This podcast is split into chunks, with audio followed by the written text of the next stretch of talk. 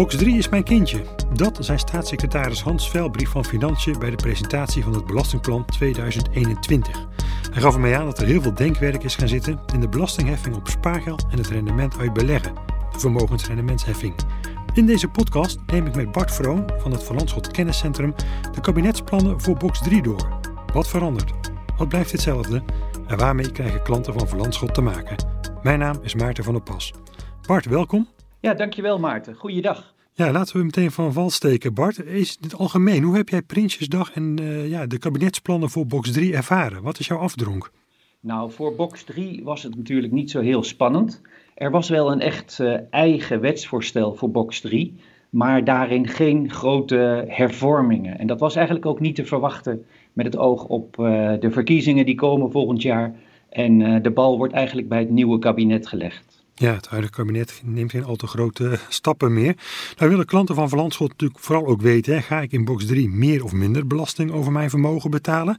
Nou, geef ons het verlossende woord, Bart, maar misschien eerst even over wat er gaat veranderen. Ja, nou ja, in het uh, wetsvoorstel staan eigenlijk een aantal wijzigingen beschreven. Mm -hmm. uh, ten eerste gaat het belastingvrije ver, vermogen gaat omhoog naar 50.000 per persoon. Verder uh, worden de schijven iets veranderd. De eerste schijf loopt tot 100.000 en de bovenste schijf die begint bij uh, 1 miljoen. En tenslotte gaat het, uh, het tarief waarop het forfaitaire rendement van toepassing is, gaat omhoog van 30 naar 31 procent. Dus dat zijn eigenlijk de wijzigingen op basis van het wetsvoorstel. En daarnaast hebben we nog de wijzigingen die jaarlijks worden doorgevoerd, namelijk de vaststelling van het forfaitaire rendement. En dat is gebaseerd op rendementen uit het verleden, dat zijn gemiddelde.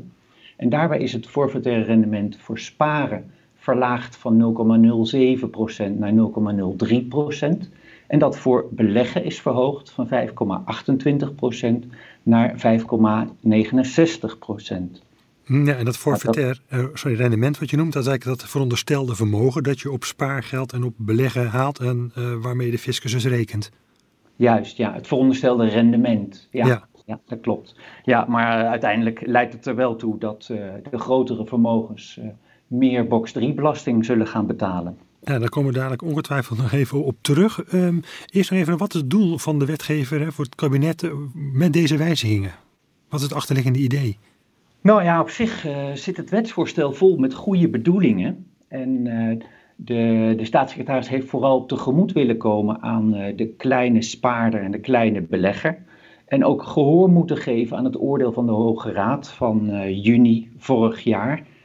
om iets te doen aan de onevenredig hoge heffing waar mensen mee ge geconfronteerd werden. nou, dat is met name het, het doel. Men heeft ook gekeken naar nou ja, het, het, destijds de Kamerbrief van de vorige staatssecretaris Snel. En um, nou ja, daar heeft men ook op in willen gaan.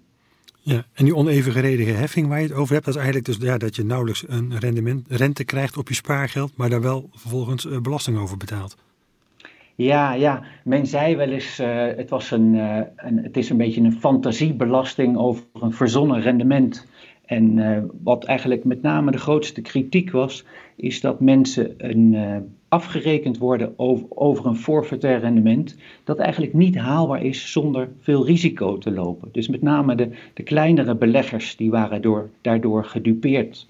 Ja, je noemde ook even staatssecretaris Menno Snel, de vorige staatssecretaris van Financiën. En dan bedoel je eigenlijk zijn plan waarbij eigenlijk de, de, de, de spaarder fiscaal werd beloond en de belegger fiscaal werd gestraft. Juist, ja. Dus hij, hij kwam met die Kamerbrief in september 2019. En dat zou er eigenlijk toe leiden dat uh, mensen bij een spaartegoed tot 400.000 euro geen belasting hoefden te betalen. Nou ja, goed, dat is uh, eigenlijk door zijn opvolger, Veilbrief, is dat plan ingetrokken. En, uh, en hij blijft eigenlijk streven naar het idee om een belasting te heffen over het reële rendement, het daadwerkelijk gerealiseerde rendement. En dat sluit ook aan bij uh, de voorstellen die in de bouwstenen uh, rapportage van mei dit jaar staan. Namelijk aansluiten bij het daadwerkelijk gerealiseerde rendement, maar ook uh, hogere vermogens, grotere vermogens meer dan 1 miljoen, zwaarder te belasten.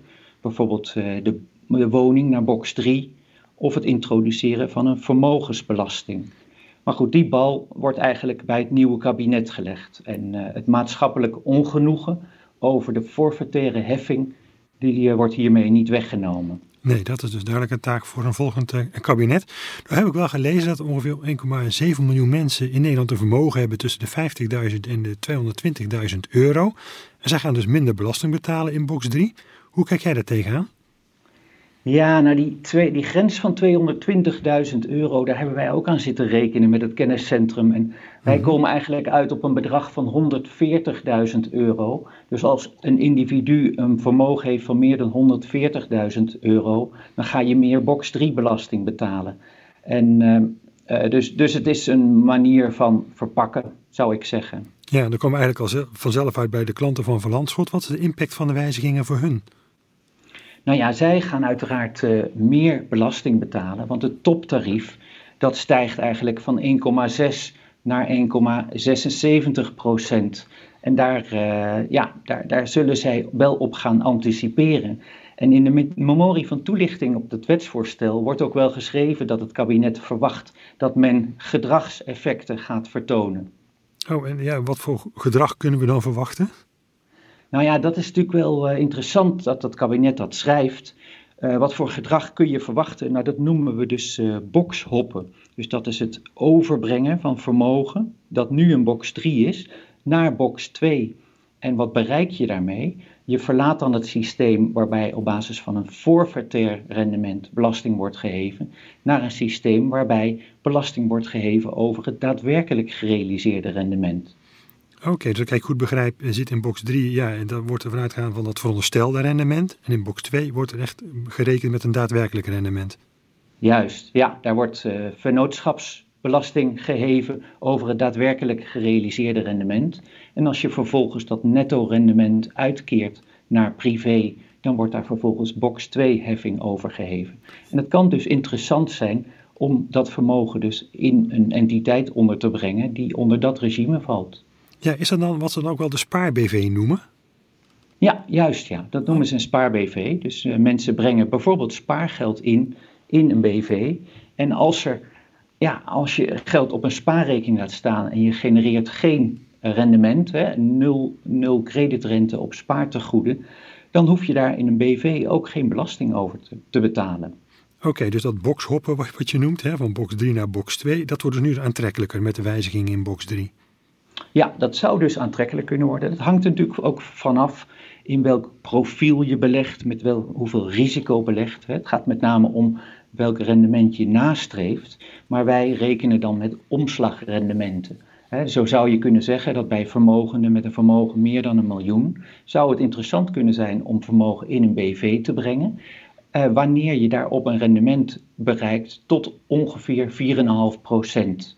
En als je dat vermogen langer in die BV laat, dan zou dat zelfs nog met een procent kunnen worden verhoogd. Dus dat kan heel interessant zijn. Ja, en zijn er ook nog andere opties om vermogen onder te brengen in een ander iets dan een spaar-BV?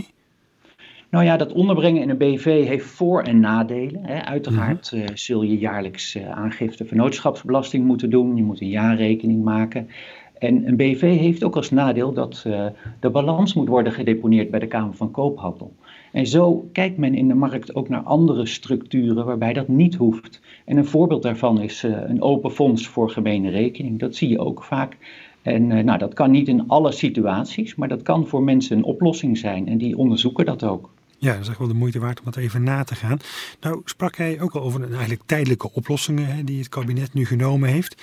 Wat is dan jouw verwachting met betrekking tot box 3 als we wat verder vooruit kijken? Nou, het is duidelijk dat uh, de bal bij het volgende kabinet ligt. Hè. De, de, de politieke partijen die zullen in hun lobby kiezen uit de bouwstenen die geformuleerd zijn in, in het bouwstenenrapport. Uh, en een, een, een, echte fundamentele wijziging in de structuur van uh, box 3-heffing, ja, die kost gewoon veel meer tijd. Dat is ook wat staatssecretaris Veilbrief heeft aangekondigd. En ja, waar het uiteindelijk toe zal leiden, een hoger progressief tarief voor, uh, voor de zeer vermogenden, of een echte vermogensbelasting, of echt daadwerkelijk een heffing op het reële rendement. Ja, dat is afhankelijk van uh, wat bijvoorbeeld ook uh, de, de, mogelijkheden zijn van de computers van de Belastingdienst. Dat speelt ook een rol in deze discussie. Ja, en even de toelichting hebt over het bouwstenenrapport. Hè, dat het rapport met allerlei bouwstenen, ideeën om het belastingstelsel uh, eenvoudiger en ook eigentijdser te maken. Ja, inderdaad. Ja. ja dat is van mei van dit jaar. Ja, en goed, en daar gaat dus een volgend kabinet mee aan de slag, verwacht jij. Heb je tot slot ook nog tips voor de klanten van Verlandschot? Wat kunnen ze ja, doen? Ja, zeker. Ja. Nou ja, goed, we hadden het al over dat boxhoppen. Uh, ja, ik denk dat veel van onze cliënten uh, erover na kunnen denken of dat eventueel voor hun interessant zou kunnen zijn. Het is natuurlijk heel sterk van de omstandigheden af, maar uh, zij zouden daarover met een banker of met een fiscalist in gesprek kunnen gaan om dat eens tegen het licht te houden. Het belastingplan 2021 voor box 3 pakt gunstig uit voor een groot deel van de Nederlanders, maar vermogende particulieren gaan meer belasting betalen. Kabinet komt met enkele tijdelijke oplossingen en schuift de echt ingrijpende aanpassingen van box 3 door naar een volgend kabinet. Wilt u nu meer weten over wat de kabinetsplannen inhouden voor vermogenden? Lees dan het blog Wat brengt Prinsjesdag 2020 voor de vermogende particulier en u vindt dat op www.verlandschot.nl onder de sectie Kennis en Inspiratie. Daar vindt u ook nog een blog specifiek voor de directeur groot aandeelhouder en wat de kabinetsplannen voor hem betekenen. En u kunt natuurlijk altijd contact opnemen met uw banker of adviseur. Ik dank u voor het luisteren en Bart, bedankt voor je toelichting. Graag gedaan.